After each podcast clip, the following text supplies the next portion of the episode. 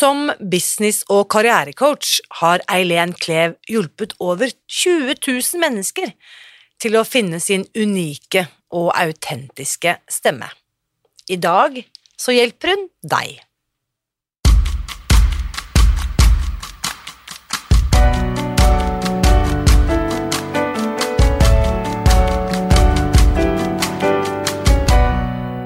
Mitt navn er Irina Lie. Jeg er journalist og forlegger, gründer og sosial entreprenør. I 2015 spiste jeg meg fri fra overvekt og fedme etter å ha slitt med vekt, kropp og følelser i nesten 30 år. Etter at jeg knakk koden, ga jeg meg selv et nytt oppdrag – å dele denne kunnskapen med alle som trenger det. I denne podkasten kan du derfor høre hele lydboken Spis deg fri. Den finner du ved å bla deg tilbake i arkivet og lytte til første sesong. Hver uke inviterer jeg nå gjester som gir deg påfyll til hodet, hjertet og magen. For min visjon er å endre Helse-Norge, og det får jeg ikke til alene. Du bidrar ved å abonnere på podkasten, skrive en omtale i iTunes og tipse meg om hvem jeg burde invitere hit. Da setter vi i gang med ukens episode. Se for deg at du har landet drømmejobben, den jobben du kanskje har lengtet etter, som du har jobbet hardt for å få, og som er en perfekt match i forhold til eh, utdannelsen din. Og så, etter en stund, så oppdager du at dette likevel ikke er din drømmejobb. Sånn var det for Eileen Klev, som du skal få møte i dag. Her er ukens gjest. Kjære Eileen, velkommen til podkasten. Tusen takk. Vi har jo Altså, vi må bare fortelle litt, da, eh, om at ja. du og jeg har jo snakket sammen eh, og møtt hverandre og kjent hverandre, eller i hvert fall visst om hverandre i flere år. Etter at mm. du intervjuet meg til din podkast for jeg, jeg, tror det var i 2018, så det nærmer seg snart det fire år. Ja. Ja. Men? Vi, vi, kan snakke litt om den podkasten etterpå, men før vi kommer dit, Eileen, du må fortelle litt om deg selv for de som ikke kjenner deg. Ja, hvor skal vi begynne? Um, den, den, røde tråden i min, min, karriere har nok vært det å finne det unike, og det er jo det jeg jobber med i dag. Så, uh, og det har vært sånn, sånn snublende inn på det, egentlig, tror jeg. Uh, men uh, ja, jeg hadde liksom tenkt jeg skulle Hva skal jeg begynne med? Jeg tenkte en stor eller lang versjon, men hvis det er en kort versjon, da så eh, gikk jeg jo på sivilmarkedsførerstudiet og syntes det var fantastisk spennende dette som jeg gikk på psykologi, sosiologi, litt mer forbrukeratferd. Hvorfor kjøper folk, hvorfor gjør eh, folk som de gjør? Og hva skal til for at man skal bli glad i et produkt? Hva er det som er unikt med dette selskapet? Hvordan skal vi få altså Den tanken med å finne hva er det som er kjernen i et produkt eller et firma, den, den traff meg veldig. Mm. Så var jeg i den bransjen etter et av studiene i forhold til merkevarebygging. Uh, og mistet litt gnisten. Kjente at uh, det var kjempegøy en periode. Jeg følte jeg hadde verdens viktigste jobb. Helt til jeg begynte å skjønne mer og mer at dette er mest festtale. Det er mest sånn hvordan skal vi pynte denne brura, sånn at folk har lyst til å kjøpe den. Og det følte jeg var litt sånn, det er ikke det jeg opplevde var riktig, sånn som jeg tenkte i forhold til merkevarebygging. Jeg tenkte jo at vi skulle finne den ordentlig ekte unikheten. Og hvis ikke vi hadde funnet den, så skulle vi bli enige om hva den skulle være. Og så skulle alle gå inn for å være der, eller på en måte bygge den um, identiteten. da. Så bare for å stoppe litt der, når du snakker om merkevarebygging, så da, mm. hva slags selskaper er det altså Du kan kanskje ikke nødvendigvis si akkurat hva du har gjort for de ulike selskapene, men hva slags type selskaper er det vi snakker om? Er det typ Telenor, Statoil, de gigantene der, mm. eller var det typ dagligvarekolonialen på hjørnet? Hva slags type selskaper jobbet du med? Veldig mange forskjellige. I første delen så var det jobbet i byrå, og da kom vi inn på ulike prosjekter. Det var alltid fra store selskaper som um, skulle hva skal jeg si, Enten det var to selskaper som var merget og skulle lage en helt ny identitet, eller det var et oppstartsselskap som skulle finne sin identitet, uh, eller det var typer um, Ringnes, Stabburet, typer um, Lille, Lilleborg i forhold til uh, produkter med vaskemidler og ja. Så, det var alt ifra dagligvare til bedriftsidentitet. Ja. Men det handlet om identitet uansett, på en måte. Og for, mm. for å bruke f.eks. da eh, et vaskeprodukt, la oss si f.eks. fra Lilleborg. Jeg vil anta at Lilleborg Jeg har et inntrykk da, som forbruker at Lilleborg ønsker å fremstå som eh, et trygt alternativ, at de er svanemerket, så du gjør Mm. noe godt for miljøet hvis du velger deres produkter. Nå bare tenker jeg høyt ut fra hva jeg, Mm. hva jeg liksom kan se for meg når jeg liksom lukker øynene og ser for meg hvordan ser disse Lilleborg-produktene ut, og at det er hygienisk, eh, ikke farlig, etc. Og Mm. dette er ikke tilfeldig at jeg får disse assosiasjonene. Dette er det noen med høy kompetanse på marketing eller markedsføring og brandbygging, merkevarebygging, som har bidratt til hva slags effekter kan for eksempel da Lilleborg bruke for å fremstå som et trygt og sunt og miljøvennlig eh, Mm. merke. Og den tankegangen du kommer med nå, er jo den tankegangen som de fleste assosierer med merkevare og merkevarebygging. Uh, og, og eh, det er veldig riktig å tenke sånn, men det er så lett å manipulere. Det er så lett å, å lage en fasade som ikke nødvendigvis er riktig inne. innad. Og når jeg jobbet i byrå, så opplevde jeg ikke så mye av dette, for da følte jeg veldig at det var, identi- eh, var riktig identitet, og det var på en måte det føltes ekte, det føltes viktig, og det føltes um, Men det vi ofte opplevde, eller jeg opplevde, var jo at vi lagde de flotteste strategier og design, og så ga vi det videre til kunden. Og så så vi liksom ikke den store effekten alltid. Det var liksom akkurat som det, den unikheten ble som rundet litt ut av, i sanden. Eh, Noen ganger var den tydelig, noen ganger var den ikke så tydelig. Um, men jeg opplevde liksom at eh, antageligvis har jeg ikke nok kunnskap, så jeg må på den andre siden. Så jeg gikk fra å jobbe i byrå til å jobbe i større selskap, som bl.a. Statoil, som du nevnte innledningsvis, hvor jeg skulle hjelpe Statoil å bygge brand worldwide. Hvordan skal vi sikre oss at Statoil har én stemme, én identitet, um, og at folk blir glad i Statoil, om du vil. Og det var da jeg begynte å skjønne at her er det så mye festtaler, så mye flotte ord og strategier. Jeg bruker så mye penger på de flotte og de største kampanjene, og det var, var gøy en periode, men så kjente jeg mer og mer at når du kom til det stadiet når du tenker at jeg couldn't care less om logoen er blå, eller om den er oransje, eller om den er Det er noe på baksida her som er viktigere. Det er noe med de ansatte som jobber her, som på en måte ikke er med i beregningen. Det, er liksom, det må jo føles som at når vi kommer inn i et kontor i Statoil eller bensinstasjon Nå jobbet jeg på hovedkontoret, som på en måte la også føringer for bensinstasjonmarkedet den gang de hadde bensinstasjoner. da. Men eh, jeg følte ikke at de var så opptatt av de ansatte. da. Mm. Eh, og de lever jo ut merkevaren. Så jeg kjente at ah, her eh, Jeg mistet litt troa. Er, er det Og her vi kommer inn på eh, Da hoppet du av, ikke sant? Er dette Mm. For jeg husker da vi snakket sammen for lenge siden. Mm. Eh, du er jo Det skal vi også snakke mye om, men du er jo også coach, ikke sant? Hjelper Ja. i dag enkeltindivider på dette med Ja. merkevarebygging. Eh, jeg, elsker navnet på podkasten din, The Brand You. Altså deg Mm. som merkevare. Mm. Eh, Mm. men jeg husker vi snakket om dette med verdier.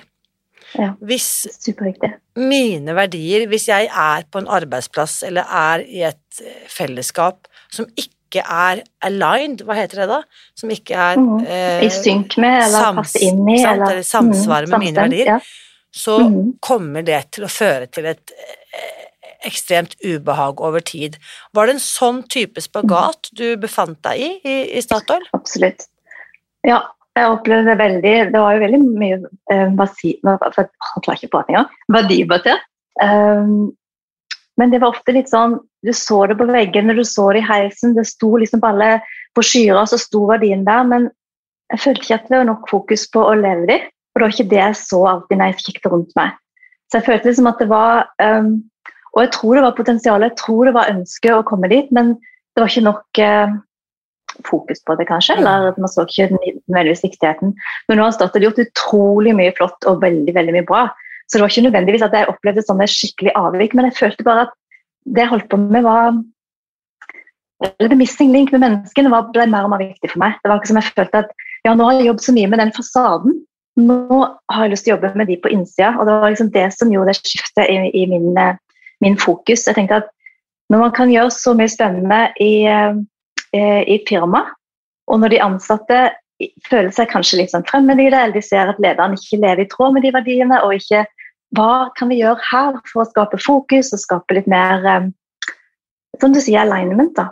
Og da handler det jo om å se seg selv og bli kjent med sine egne verdier. Jeg var jo nærmere 40 år før jeg skjønte hva mine verdier var. Eh, jeg hadde ikke tenkt på verdier, egentlig. Jeg tenkte liksom at det var noe sånn ja, Jeg jobbet jo veldig med verdier i forhold til jobben min, men i forhold til meg selv så var jeg nok ikke så veldig tydelig på det før jeg begynte å bli mer nysgjerrig for type coaching. Um, og jeg, jo, jeg, begynte jo coachingverden med NLP-retningen, og så ble jeg bare sånn Det er sånn når du føler at åh, her er det noe som jeg alltid har visst, men ikke har visst at jeg alltid har visst. Akkurat som det er noe på innsiden som bare resonnerer sånn i forhold til kunnskapen. og sånn har det egentlig vært for alle de kursene og sertifiseringene. og Det har vært en liten sånn svamp med å ta inn alt. for jeg at Det er så utrolig mye spennende når vi jobber med mennesker. Og når vi jobber med personlig merkevare av mennesker Jeg liker egentlig ikke ordet personlig merkevare lenger, så du ser ikke så mye av det ordet direkte hos meg. Fordi det er så mange som um, tror fremdeles at merkevare handler om å pynte fasaden. Så når du tar kontakt med meg tidligere, når jeg var litt mer på å fortelle om merkevare og, og hadde det som en sånn um, de, uh, et ansikt utad for å fortelle hva jeg gjorde, så opplevde jeg at mange kom og skulle bare hjelpe til å um, pynte Facebook-sida mm. eller pynte LinkedIn-sida, eller hva skal jeg gjøre med dette bildet? Skal jeg velge det bildet eller det bildet? Eller hvis du har små bedrifter som trengte hjelp, så er det sånn, jeg trenger en ny logo, kan du fikse det for meg? Altså, litt sånn fasade, ja. Mm. Og jeg tenker at det her begynner ikke, det er slutten. Mm. Først må vi finne ut hva er det som er på innsida, hva er det som er din unike? Hva er det som er som bare du kan eie? Og hva er det spesielt den det som jeg bare elsker? Det er jo der alle de svakhetene som mange prøver å skjule. Det er så mye styrke i dem. Det er så mye unikheter som trengs å bli trygg på og stole på selv, og så eh, finne jobber som matcher. Fantastisk. Så for, for Derfor har jeg liksom gått litt vekk fra ordet markedsbygging. Ja, men det er, det er super uh, altså, jeg, jeg, tenker veldig verdifullt å høre deg fortelle, og så blir jeg veldig nysgjerrig, Eileen, før vi skal dykke mm. enda dypere i dette. Når du da i slutten av 30-årene opplever og kjenner at dette her blir feil for meg, å være på denne mm. arbeidsplassen, Um, det høres litt hult ut når du forteller, jeg vet ikke om det var din opplevelse, men det høres litt ut som, som du sier, da, at det var mye fasade og kanskje ikke helt ja. uh, Det kom til den Jeg tror mange opplever den når de er um, enten at de ikke har en jobb som er helt match til den du er nå, eller at du har gått så lenge i arbeidslivet og valgt ting som var riktig, ut ifra hva de der ute syns er riktig, og, og glemmer å tenke på hva som egentlig er mm. verdiene dine. Og jeg tror for min del så var det nok at jeg kom til det stadiet der jeg kjente at jeg mistet litt interessen på faget. Min, hadde ikke lyst, altså I begynnelsen så leste jeg jo fagbøker på ferie, for det var så gøy. Uh, og det er litt sånn som jeg holder på med nå, men nå er det litt andre typer fag. Men det er liksom sånn, når jeg finner noe jeg brenner for, så syns jeg det er utrolig spennende å gå i dybden.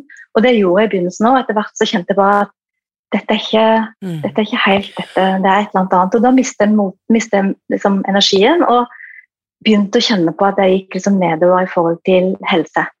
Ja. Jeg merket at jeg begynte å bli jeg kjente det var En dag på jobben jeg kom inn eh, på døra, jeg skalv sånn. Jeg klarte nesten ikke holde kroppen. Fordi kroppen var så full av stress. Jeg tror det er noe med at du, Når du har vært så lenge i en jobb som du føler du er litt sånn fake, fordi du ikke helt eh, engasjerer deg på samme måte som alle de andre i rommet. og tenker du det må jo det er sikkert noe feil med meg, eller kanskje ikke jeg er god nok, eller kanskje jeg er for gammel, eller Jeg hadde sånne, mange sånne rare tanker på at det var et eller annet som var feil, men jeg visste ikke hva. Men kroppen sa jo fra massevis. Så um, jeg hadde jo også i den perioden uh, var jeg um, gravid. Og um, jeg fikk vel to barn i den perioden hvor det var sånn Jeg kjente at det var et eller annet feil. Og da sa jo kroppen veldig mye fra, så jeg var dessverre en del sykemeldt akkurat den perioden. Så det var, jeg burde ha skjønt det. Og hadde det vært nå, så hadde jeg tatt signalene mye før. Men jeg hadde ikke mekanismene til å forstå det da. Jeg trodde egentlig bare at ja, at det var noe feil med meg. Dette er så interessant at du sier, fordi jeg har jo stått i den samme spagaten. Jeg var jo fast ansatt i Bergens Tidende eh, i mange, mange år. Og når finanskrisen kommer i 2008, vinteren 2009, og det blir bare mørkere og mørkere i mediebransjen, og mer og mer, hva skal vi si, eh, kritisk, eh, mm. så kjenner jeg at dette er så Dette føles så feil, at jeg er i mine beste år. Jeg barn nummer to var på vei, og jeg kjente at jeg kan ikke fylle dagene mine og livet mitt med å være redd og bekymret og fylt av angst og krise på alle kanter. Dette livet velger jeg vekk. Mm. Og det er jo eh, føles jo veldig underlig når man ser at Jeg antar jo også at den jobben du hadde, det er sikkert mange som hadde eh, som har den bakgrunnen du har, og den utdannelsen du har. Dette er sikkert drømmejobben for Ja. Det sto sikkert Og 100 det søkere. gjør det enda vanskeligere å gå. Ikke sant? Mm, Det gjør det mye vanskeligere å gå, for du tenker det må jo være noe feil med meg, for alt er jo perfekt. Det er sånn, CV-en går akkurat i samme retning og riktig retning, og jeg gjorde liksom alle de riktige tingene i forhold til Mm. min bakgrunn. og Venninner og andre var liksom sånn Du har jo så spennende jobb, og du har budsjetter vi kan bare drømme om. og Mm. Alt var liksom egentlig bra på utsida, men inni meg så var det litt Mm. eh, tomt. Så Jeg fikk ikke følelse av å ha brukt meg selv. Mm. så hvilke verdier hvis man kan si det sånn, meislet du ut? Hvilke verdier fremsto som tydeligere for deg i ditt Ja. liv på denne tiden? Den viktigste var den følelsen av å gjøre en forskjell. Jeg følte jeg flytta papir. Det var noe som du føler at Når logoen er oransje, eller for den ble jo etter hvert eh, gikk fra å være blå til var innom oransjen, var innom eh, ble det slutt i denne rosa fargen. Men jeg kjente liksom at eh, dette er ikke viktig. Dette er ikke, og Strategien er ikke viktig. Det er noe, jeg føler liksom at det er så mye ute i verden som vi burde ha fokus på, som er mye viktigere enn dette. dag, jeg følte at Bruker vi så mye mange møter på dette her? Og sånn, nesten sånn følelse av at eh, Og da føler du liksom at det der med at du gjør noe viktig sånn Når barna mine begynte å, å eh, eh, prate og spørre hva mamma jobber med, så var det nesten mulig å fortelle det. For det var sånn, de skjønte ingenting. Det er jo vanskelig å forstå hva en kontorjobb egentlig var for markedsbygging.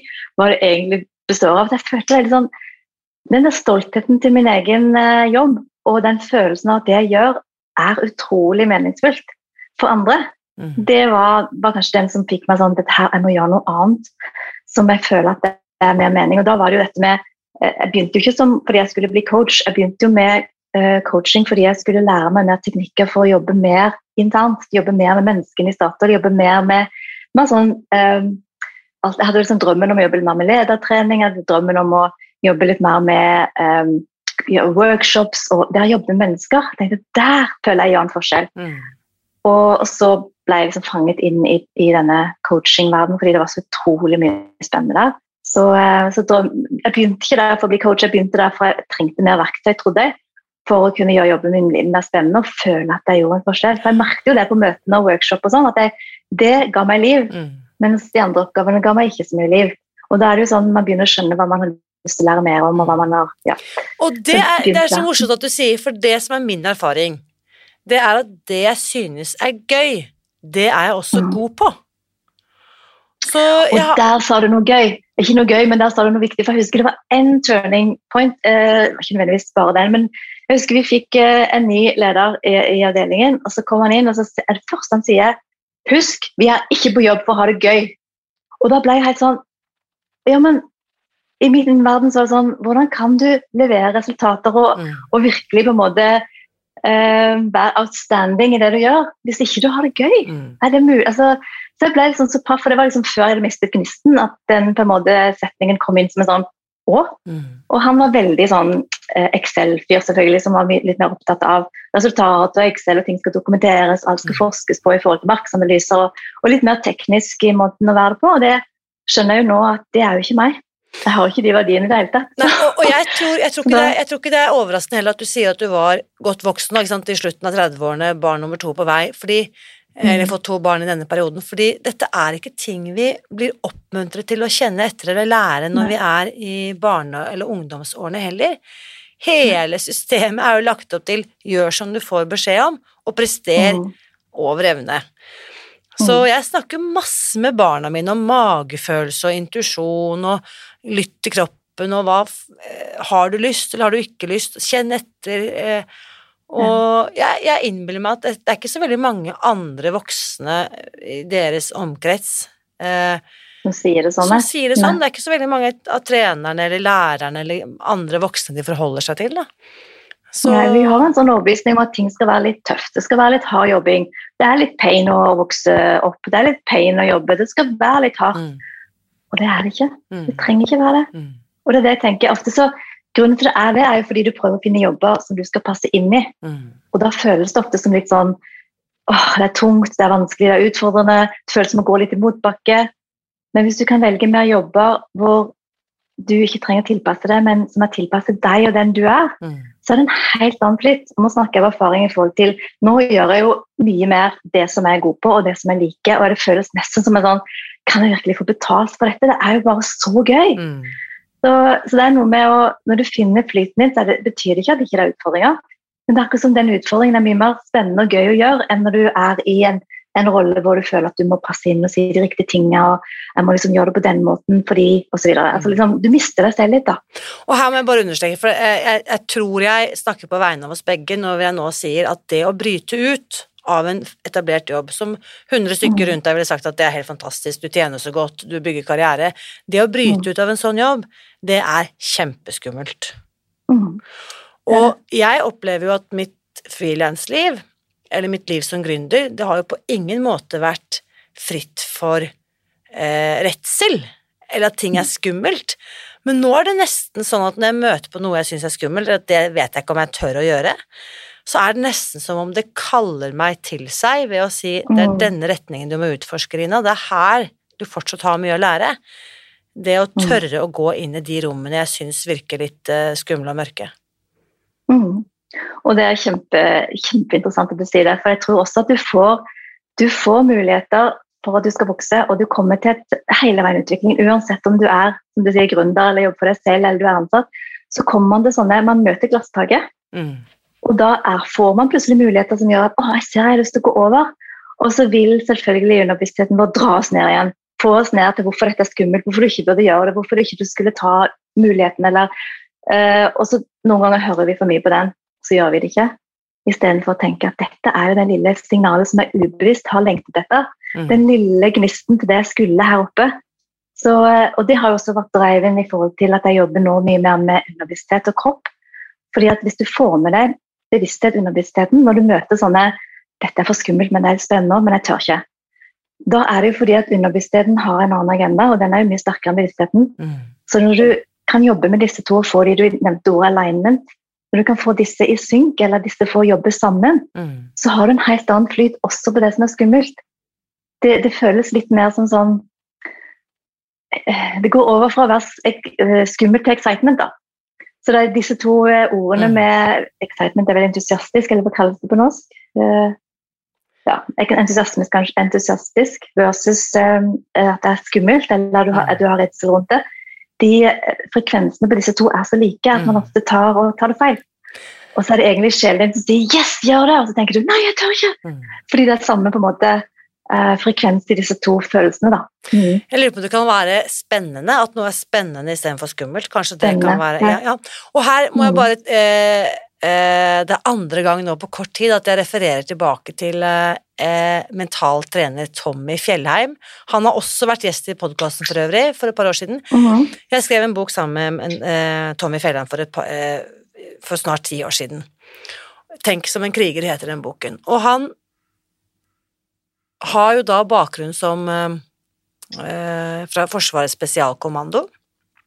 Og jeg husker han snakket om redsel, og da sa Mhm. han Jeg sier ikke til meg selv at jeg er redd, jeg sier til meg selv at jeg er spent. Og, det, og, og denne setningen har på en måte brent seg fast, for at det, hvis jeg nå sier til kroppen min at dette jeg kjenner på nå, dette er redsel, så Mhm. sier jeg jo til kroppen min at det som skjer nå er veldig skummelt, dette er far, en farlig situasjon. Mm, Men hvis jeg sier at jeg er spent, så kan jeg jo mobilisere de kreftene jeg har, og vite at jeg har forberedt meg godt, jeg har vært i tilsvarende situasjoner før, dette vet jeg blir liksom eh, adrenalin kanskje, eller hva vet jeg, Mm. og så kan jeg Mm. gå inn i situasjonen og vite at jeg er spent, men ikke være lammet av frykt. Mhm. Og det er vel noe av dette du snakker om, at de, å bli kjent med fornemmelsen i kroppen og lære meg å sette ord på det, som kanskje er motiverende fremfor passiviserende. Mm. Ja, og essensen i coaching er jo litt den der eh, som du sier, tenk som en kriger. Det er liksom do it anyway. Det er mobilisere deg for å komme deg over den hindringen. Mm. Bruke mindsettet, snu tankene, bruke andre ord. Og du kan komme ganske langt med det. Men jeg tror at vi har en missing link i den coaching, tradisjonelle coachingverdenen, hvordan vi tenker coaching. For jeg tror at vi glemmer å ta med kroppen. Kroppen har jo lagret så mye i systemet sitt på alt vi har opplevd i livet så langt. Sånn at hvis vi har frykt for noen ting, så kan jo triggeren være et eller annet sted i kroppen som gjør at kroppen, og som da har direkte selvfølgelig kommunikasjon med underbevisstheten, har noe som den ikke har gitt slipp på. Så selv om du endrer på ordene og prøver liksom å do it anyway, så kan det være du klarer det, men du må mobilisere utrolig mye mer energi enn hvis du kan hjelpe kroppen å gi slipp på det som er spenningen først, og så snu ordene og gjøre jobben. Så min erfaring er i hvert fall at uh, til mer Jeg har, jo, har jobbet som coach nå i ti år, og det er vel kanskje de siste, siste fire-fem årene at jeg har gått mer og mer inn på å se kroppen. Det er en missing link. altså. Før var det veldig mye mer sånn som du sier. Snu tankene, bruk andre ord. Assosier det inn i hva du vil ha. Um, egentlig bruke hjernen eller hodet mye. Mens jeg tenker at vi må jobbe mye mer med å hjelpe kroppen til å gi slipp på gamle ting for at det skal bli mye mer flyt. Jeg må bare mm. huske å nevne, for du har skrevet flere bøker også, blant annet da denne mm. fantastiske tittelen 33 løgner du tror på. Det er jo mm. bare tittelen i seg selv er grunn, nok, grunn god nok til å lese den boken. Og så har du skrevet en spennende bok som heter Nye spor om stillhet og fokus. Ja. Mm. Og så har du laget en e-bok, da antar jeg at den bare finnes som e-bok, at den ikke er trykket opp, mm, som heter Den er ikke trykket. Nei. Vær unik. Hvordan styrke din personlige merkevare. Og så nevnte vi allerede denne podkasten The Brand You, som eh, var det i 2018 mm. den ble lansert, eller? Ja. Det ble den. Mm. Um, og da, i september 2018, så snakket vi også sammen. Den ligger i iTunes. Hvis du søker på Eileen Klev og Irina Lie, så skal du finne den episoden. Den ble publisert 23. september 2018. Og det jeg elsket i den samtalen, Eileen, er at når du stilte meg en del spørsmål, så ble jeg også på en måte mer bevisst på min egen historie. For mm. denne røde tråden som du snakker om i ditt liv, som er det å finne det unike i, i den mm. eller de du jobber med. For, for, meg så ser jeg jo at en rød tråd i alt jeg har jobbet med, er å finne veier til min egen frihet. Enten det har vært mm. øh, fri meg fra shopping, eller alkohol, eller sukker og mel, eller ikke sant at jeg ikke kan ta noen andres sitt tankegods og tro på det. Jeg må finne ut av det. Stemmer det at jeg blir lykkeligere av å shoppe? Stemmer det at jeg får det bedre av å drikke alkohol?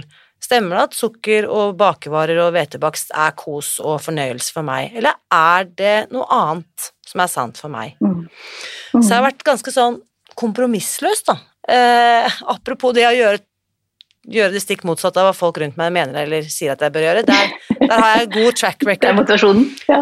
Mm. Eh, ja, og mange tenker jo at jeg er en sånn derre at jeg er rebell for rebellskapens skyld, men det er overhodet ikke sånn det er. Det er bare det at jeg, jeg er jo lillesøster, yngst av tre, og så sittet og sett opp på disse store som snakker, og så tenkt sånn Er det sant?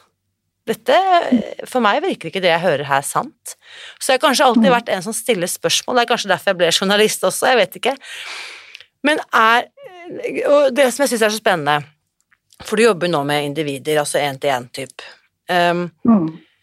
Og grupper, for så vidt, men ja. Mm. Hvis vi tar utgangspunktet i én-til-én, da. Um, mm.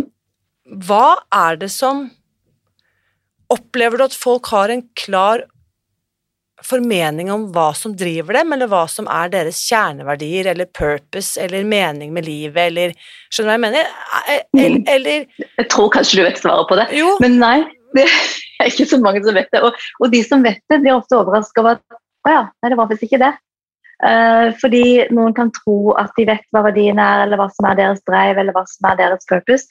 Og eh, når vi går gjennom en, en runde for å på en måte se om det stemmer, og gjøre en litt sånn eh, kvalitetssjekk på det, så er det andre ting som kanskje da kommer opp. Det er akkurat som eh, det er akkurat som når du skal velge å kjøpe en bil, for et eksempel jeg kom på nå, så skal du forsvare kjøpet, så er det veldig logisk på hva, du, hva som på en måte er grunnen til at du kjøpte akkurat den bilen. Men det kan være det ligger noe egentlig en annen årsak. Og det er liksom som verdi nå, Du kan tro at jeg blir motivert, eller dette, dette er viktig for meg i jobb. Og så kan det være noe andre, andre ord eller en en annen ting som er mye viktigere. Um, så, um, så ja, noen er bevisst på det. De fleste er ikke bevisst på det, og svært få er bevisst på det. egentlig. De fleste har valgt karriere og utdannelse og eh, livet basert på hva de antageligvis hva de burde gjøre, hva som er riktig å gjøre, hva som er smart å gjøre, hva som er på en måte naturlig å gjøre ut fra sin utdannelse sin retning, og glemt å spørre hva gir det meg? Mm. Hva er det som er min unikhet? Hva er det som jeg er skikkelig god på? Og hvem er jeg egentlig? Så, så det er jo sånne elementære spørsmål som jeg tenker at folk bare enten ikke tar seg tid til, eller tenker det er så stort at jeg vet ikke hvor jeg skal begynne, så jeg bare lar være. Um, men det er superviktig. Jeg, jeg, lurer på om dette har en overføringsverdi til veldig mange andre valg i livet. Snakket du med en uh, kjærlighetscoach for et uh, par uker siden her i podkasten, og valg av partner blir jo også ofte styrt av ja. hva skal vi si, bevisste og ubevisste mønstre. Mm. Uh, jeg lurer på om veldig mange av valgene jeg har tatt, er for å please mamma og pappa, i gåseøyne? Det, ehm, det, vil du antageligvis se i boka 33 løgner. For der er det så mange av disse løgnene som vi tar for gitt, kanskje, som egentlig styres av foreldrene våre. Som egentlig er overbevisninger som vi hentet inn fra familien vår uten at vi nødvendigvis var klar over at det var det. Men du begynner å tenke på det, det er sånn Å ja, dette er jo ikke min, dette er ikke min overbevisning egentlig, men jeg har jo Og så når man begynner å sette, sette spørsmålstegn til dem, så begynner man å skjønne hvor mange mønstre man styres av ubevisst, mm. som man antageligvis ikke var klar over at man styrtes av. Um, som egentlig er samfunnsnormer eller ting du har hentet fra foreldrene dine, som de kanskje ikke sa, men du opplevde det sånn, og derfor har du tatt det med deg som en, som en sannhet. Og veldig mye av vår atferd i dag kommer jo fra de sju første åra i livet. Mm. Så når vi tror at vi er så voksne og er så selvstendige og tar så gode valg, så er det en liten jente, en liten gutt inni deg som mm. styrer egentlig. Så det å være klar over at de syv første åra det er så mye nødvendige ting som kroppen trenger slipp på, som uh, kanskje ikke er så mm. viktig i dag, men som likevel styrer deg fordi kroppen husker og har satt de spenningene i kroppen og har på en måte programmert deg inn på noen mønstre som er uh, veldig nyttige å utforske. Jeg har en uh, Og dette er noe av grunnen til Altså, det er så mye spennende vi, vi, kunne ha snakket om, og som vi burde sikkert ha snakket om.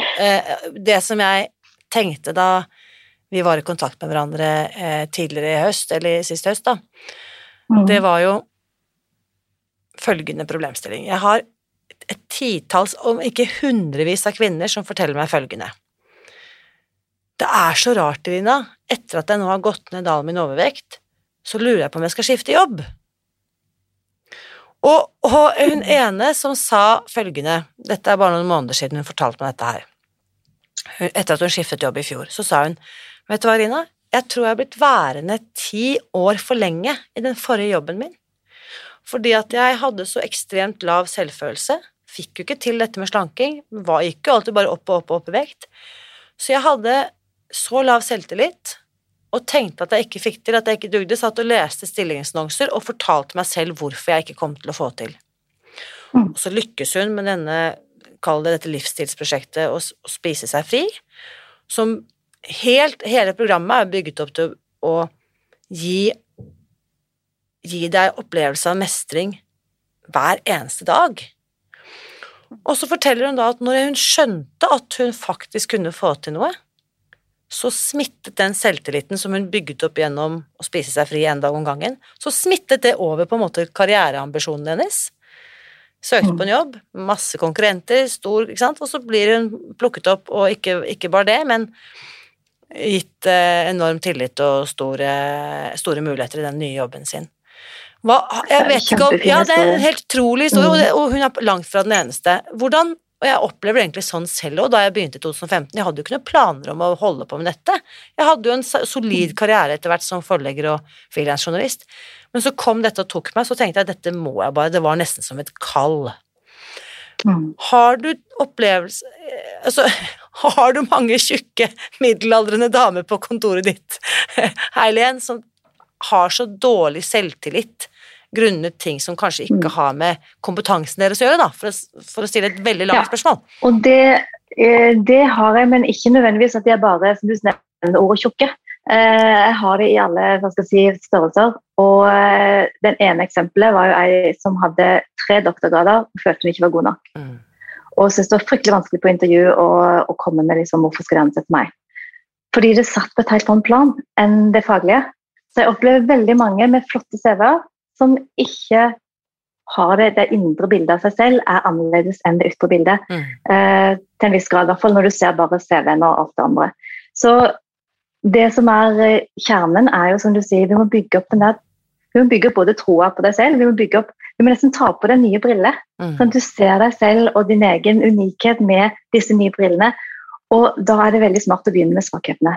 For det er, det er de du, altså skyggesidene, de du på en måte De som egentlig er grunnen til at du ikke føler sånn. Og få snudd de, og få sett de på faktisk på grunn av at du har denne svakheten her, så ligger det jo så, for så ligger det masse styrker i det. Og for det andre så er det med på å forsterke en annen styrke på motsatt ende. Hva er det? Mm. Så si at du er for um, Si at du er eh, introvert da, og tenker at eller litt mer person som er litt uh, forsiktig og sjenert uh, og føler at det stopper deg i karrieren. Så er det noe med Jeg hadde en, en, leder som kom til meg med den utfordringen at han ville egentlig bare kvitte seg med den egenskapen og bli mye mer ekstrovert. Det var hans bestilling. Og da tenker jeg ja, men la oss heller utforske litt mer den svakheten din. som du sier svakhet. Hva er styrken din? Og bare sånn, det er ingen styrke. Jeg har en jobb, og jeg skal nettverke, og jeg skal ut og liksom skape allianser, og jeg syns det er fryktelig vanskelig. Og så begynte vi å tenke, men hva er det som er styrker i det å være introvert? Hva er det som styrker med det at du syns det er vanskelig å gå opp til folk, og hva er du god på da? Og så fant vi ut at han var god på å lytte, han var god til å se andre, han var god til å eh, hva skal jeg si, slippe andre fram. Han var god til å, Fordi han var såpass stille og lyttende, så kunne han lett komme med løsninger. fordi han var liksom i fokus og løsningsorientert. Så han, når han skjønte etter hvert sine styrker, så ble det sånn ah, Nå ser jeg jo hva jeg er god på. Mm. Og, og, etter han liksom begynte å øve seg litt mer på å få fram de styrkene, så så han plutselig at det å gjøre nettverksmøte, det var jo bare gøy. For han er god til å stille spørsmål. Han skal fortsette med det. Istedenfor å, å stille spørsmål og føle at jeg må jo, jeg må jo si noe sjøl, jeg må jo være litt mer dominerende, jeg må jo Mm. overta denne samtalen, jeg må jo heller snu det og tenke det må du ikke. Hva er det som er målet med denne samtalen? Det er en relasjon. Det er for den andre personen til å føle seg vel fordi du skal skape et samarbeid med vedkommende. og så Av og til så trenger man bare en mindset-skift. Og noen ganger så kan det også være at de svakhetene er svakheter fordi du har feil jobb. Mm. Hvorfor i alle dager har du en jobb som ikke passer deg som person? Mm. Det er også en spennende diskusjon. Nå hører jeg liksom i bakhodet mitt liksom eh, Karianne eller Fredrikke eller noen som hører på denne podkasten. Jeg ser for meg noen lyttere som nå har lagt armene i kors og blitt litt irritert. Og så tenker de sånn Altså, kan man ikke bare være fornøyd med det man har? Hvorfor skal man drive og holde på med den der selvutviklingen hele tiden? Det er et veldig godt spørsmål, og mitt svar til det er at det trenger du ikke. Men skal du, um, skal du ha glede i livet, så trenger du vekst. Mm. Du kan ikke være stagnasjon uten å ha altså, Du kan ikke ha glede i stagnasjonen. Du kan ha det på en liten periode, men etter hvert så visner du hen. Vi er som naturen. vi er som uh, hvis du ser naturen rundt deg, så er det sånn ok, hvis ikke det er vekst, så er det visnet hen. Og vi er litt det samme. Så det kan godt være at du kan ha en jobb hvor du tenker at ja, ja, jeg bare får inntjening, og jobben betyr ikke noe, men da må du ha vekst et annet sted. Mm. Da må du ha vekst i, når du kommer hjem fra jobben, eller ting du gjør ved siden av jobben. eller Vi trenger vekst. Og den veksten betyr ikke at vi skal ha mer ansvar eller mer lønn. Du som person Mm. trenger å vokse for å få glede. Det er nesten umulig å ha ekte glede uten å kjenne på den der at du, at du bruker deg selv. da. At du på en måte utvikler deg selv. Jeg tenker tilbake på Jeg syns det er så spennende akkurat det du sier her, å se på naturen, ikke sant. Hvis ikke Mm. eh, Her må jeg bare skyte inn en ting. Jeg trodde til inntil for få år siden at bonsai-trær var liksom en egen rase. Men det er jo helt ordinære trær som bare er blitt holdt nede og klippet ned og klippet ned og klippet ned. Og jeg var på et foredrag med en dame som da Hennes poeng da var at hun hadde med seg et lite sånn fantastisk bonsai-tre, veldig fint preppet, så, og så hennes budskap var Don't be a bonsai. Ikke vær et bonsai-tre. Ikke klipp deg ned, men la deg på en måte vokse til den store, storslåtte eiken. det er så viktig. Og det var kjempefin Mm. metafor, for det er jo egentlig det mange av oss gjør. Vi holder, vi holder oss nede, eller i Mm. hvert fall har holdt oss nede. Eh, og det gir jo ikke glede, det gir en falsk eh, trygghet. Mm. Men det gir ikke mye glede. Du har så mye Og jeg tenker, Det er en setning som er klisjé, men jeg bare elsker den, for den er jo så sant. Og det er at det fins bare én i hele verden som er som du. Mm. For det er jo det. Det finnes faktisk ingen andre som har opplevd akkurat det samme i samme rekkefølge, har blitt oppvokst i den familien du har blitt oppvokst i, og har akkurat den DNA-blandingen som du har. Det er ingen. Det er bare du. Mm. Og når du begynner å tenke på det, så skjønner du kanskje litt mer av det der med at vi alle har en puslespillbrikke som verden trenger. Yes. At det, det som det handler om, er å finne din plass. Dette er meg. Dette er mine styrker og saker. Dette gir meg energi. Dette gir meg mening. Når du har den, så tenker jeg at da begynner du å finne tilbake til den ekte gleden. da. Altså Nå har jo ikke lytterne gleden av å se deg mens du forteller, Eileen, men det, jeg ser deg jo på skjermen. ikke sant? Men jeg, jeg, jeg antar alle kan se hvor liksom eh, entusiastisk du gestikulerer med armene, og hvor stort det smilet ditt er, for dette er, dette er liksom kjernen i det som Dette, Dette er kjernen i det jeg holder på med. Det er absolutt kjernen. Mm. Og jeg sier det er liksom to deler av det. Den ene er jo det å finne det, og den andre er å gi slipp på det som holder igjen. Gi slipp på den bonsai-klippinga du holder på med. Men da må du finne ut av hvor er det triggeren er som gjør at jeg har klippet meg ned der og klippet meg ned der. Mm, Hva er triggerne? mm. Det trengs av og til å gi slipp på for å kunne virkelig blomstre i den der 'yes, min mening'. Jeg, jeg satt og tenkte når du stilte spørsmålet i stad, hva er din svakhet eller skyggeside? Ja. Ja. Uh, og så tenkte jeg sånn, håper ikke hun spør meg. Ja, nå må jeg jo spørre Nei, men, ja, men også tenkte jeg sånn, dette er jo kjempeinteressant, og kanskje du som lytter også kan bare stille deg det spørsmålet. Det er kanskje ikke den introvertheten som du kan kjenne deg igjen i, men bare tenk gjennom hva er din svakhet. For min egen del så vet jeg at eh, det har vært i veldig mange år, noe jeg har øvd mye på, og noe som jeg har fått mye pepper for, det er å tørre å si nei.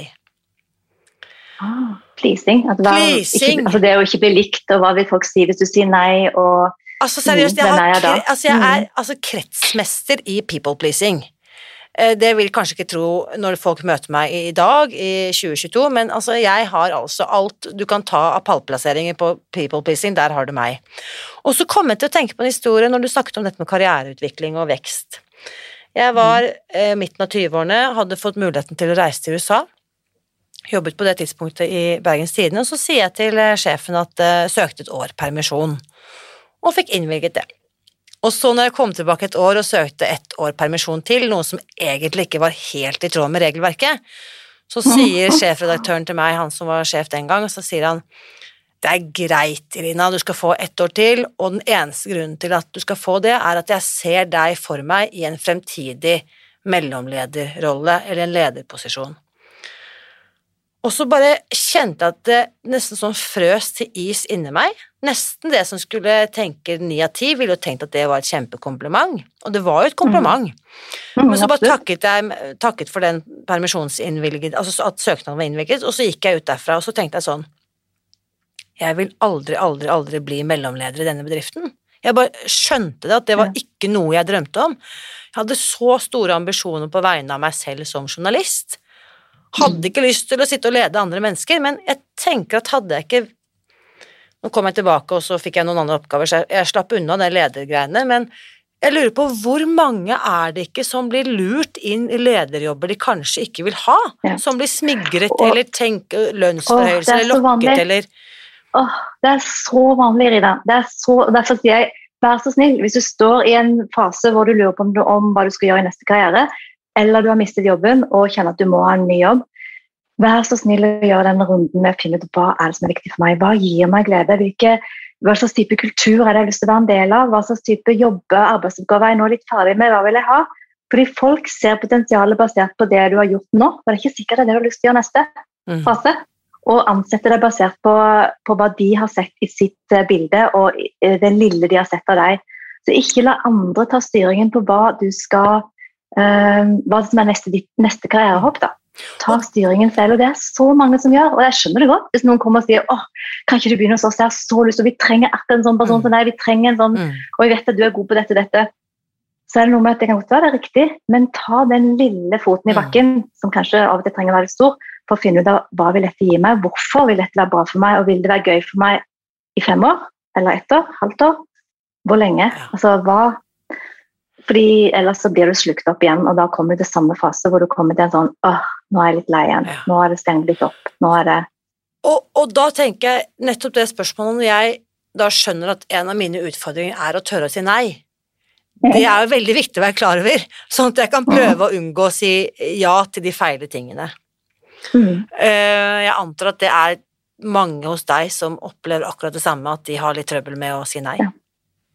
Mange har trøbbel med å si nei, og mange har, er så utrolig dyktige på å ta ansvar for andre enn seg selv. På jobben tar de ansvar og jobber mer enn de må og leverer mer enn de trenger og er på en måte fullt på på tilbudssiden. Nesten sånn på autopilot-tilbudssiden. Og hvis man har valget mellom at nå hadde jeg egentlig en time med, med et eller annet personlig greie, men sjefen trenger meg virkelig, så velger jeg på en måte alltid den der ok, jobben trenger meg jo-følelsen. Uh, også hjemme. Nei, jeg kan ikke gå fordi barna trenger meg nå. altså jeg må, må dessverre utsette. Alt som har med seg og sin uh, utvikling eller sin velvære eller sin glede, blir på en måte sekken i forhold til det andre trenger. Mm. Og det er jo for så vidt en gave i det, men det er også en uh, selvsabotering. En sterk, sterk selvsabotering. Så um, det å se de mønstrene og begynne å snu på de mønstrene og begynne, som du sier i din, ditt program, at man skal finne liksom, den der mestring hver dag, eller kjenne på at uh, Var det ordet mestring, eller du brukte kanskje et annet ord? Men det er liksom, og også i forhold til seg selv, da, begynne å velge litt mer at nå skal jeg For hvis ikke du respekterer deg selv, hvordan i alle dager skal andre nødvendigvis respektere deg på den måten som du fortjener? Altså Alt det du sier nå, bare gå rett inn på pensumlisten for Spis deg fri, for dette er jo kjernen av det jeg forsøker å formidle. Du er den mm. viktigste personen i ditt liv, og det er mm. ingen du kan delegere det ansvaret til. Det er nettopp det. Uh, og jeg begynner å bli ganske god på det, vil jeg si. Å si ja til meg selv, og det innebærer også eh, innimellom nei til andre. Det syns jeg, og det er jeg mm. veldig stolt av. og det som er styrken i det å være god til å si ja, og litt for god til å si ja, det er jo igjen den der med at du har omsorg for andre, du ser andre, og du absolutt hvis det må, så stiller du opp, men du trenger å øve deg på det som du har blitt mm. kjempegod på, med å sette grenser. Mm. Så det er jo veldig mye styrker i det som kanskje andre ikke har, som du har. Så det handler ikke om å miste de, men det handler om å justere de og nøytralisere litt mer sånn at det blir balanse. Mm. Um, vi kan de som er nysgjerrige nå, de kan finne deg overalt på internettet, både på hjemmesiden din, på eilenklev.no, og så er du på Facebook under ditt eget navn, og på LinkedIn, og på Instagram.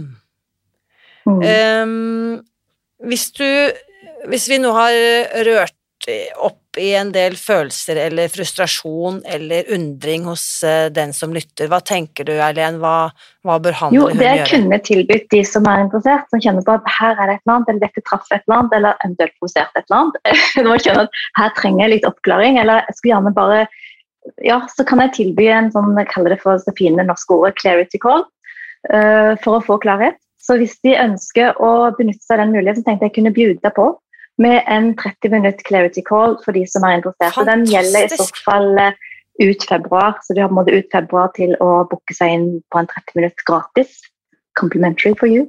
Uh, og dine lyttere, hvis de har lyst. Det blir en sånn uh, klarhet i problemstillingen sin, eller hvor de står, eller hvis de på en måte kjenner bare Det er ikke en coachingtime, det er mer en det blir jo litt coaching, da, men det er jo bare en 30 minutter. Men det er mange som kjenner at de 30 minutter er alt de trenger for å virkelig skjønne at ok, jeg trodde problemstillingen var det, men det er faktisk dette som er problemstillingen Men Nå skjønner jeg litt mer av hvorfor osv. Så, videre. så det er en sånn liten drypp av uh, hvis man trenger litt mer klarhet eller er litt nysgjerrig. Det er jo helt utrolig, Elin. Det er jo fantastisk. Nå bare blir det sånn Shit, har serveren din kapasitet til å takle dette? jeg si? Fordi... det så mange? Okay. Men det er jo, det, hvis ikke du finner time, så er det fullt. Men uh, det er Altså first come, first serve, som det heter på dårlig yes. norsk. Men det er da mm. på eilenklev.no at denne Eller Eller kan legge linken, går an å legge link med ja. denne ja. Vi har mm. den Facebook-gruppen til denne podkasten, og der kan, ja. et, der kan du også være med, Eileen, og legge inn tilleggsinformasjon. For det har vi jo muligheten til at de som også lurer, kan jo stille spørsmål i kommentarfeltet òg. Det kan de. Det er så genialt med disse mm. nye mediene at det kan være tilløp til interaktivitet. Det liker vi veldig godt. Mm. Da vil jeg bare si tusen, tusen takk for eh, tiden din og energien din, og at du bidrar og deler så mye av eh, kunnskapen din, Erlend. Jeg digger det.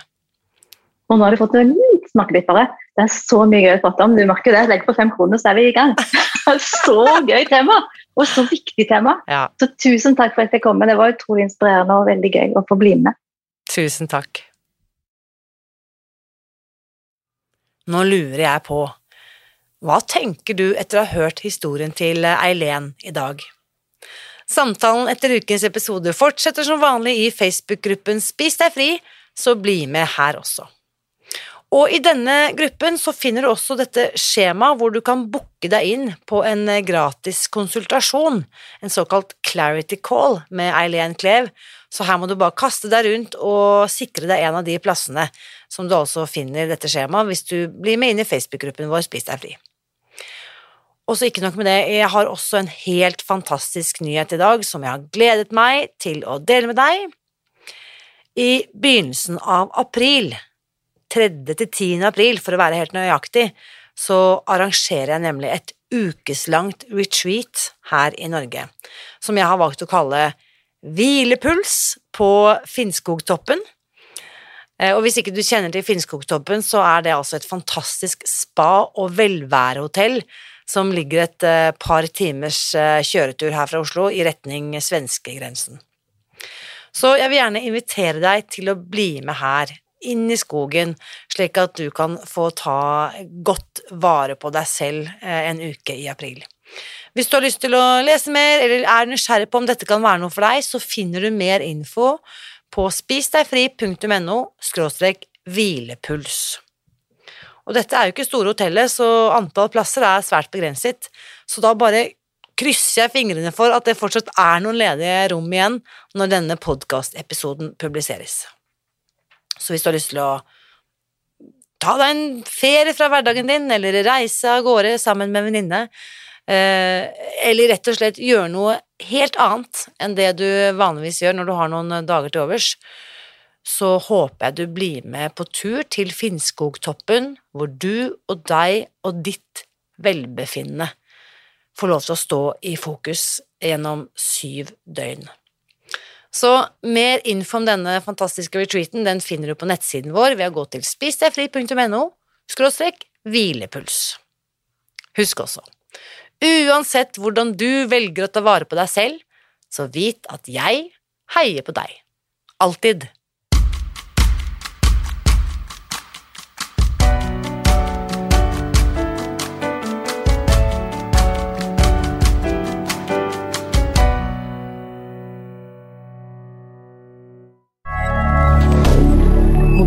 rien.